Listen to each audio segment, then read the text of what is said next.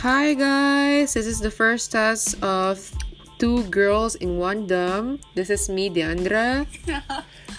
And this is me, Visa. Yeah. And we're going to talk about, you know, social problems and Exactly. girl problems. Exactly. And problems people go through when they just come out into the world gitu. come out sih, apa I- sih? Iya gitu lah. We just- Entering iya, gitu gitu lah. Entering the world gitu. Exactly, girl. So this is the first uh, test. And now it's uh, June to, apa 2020. Bye.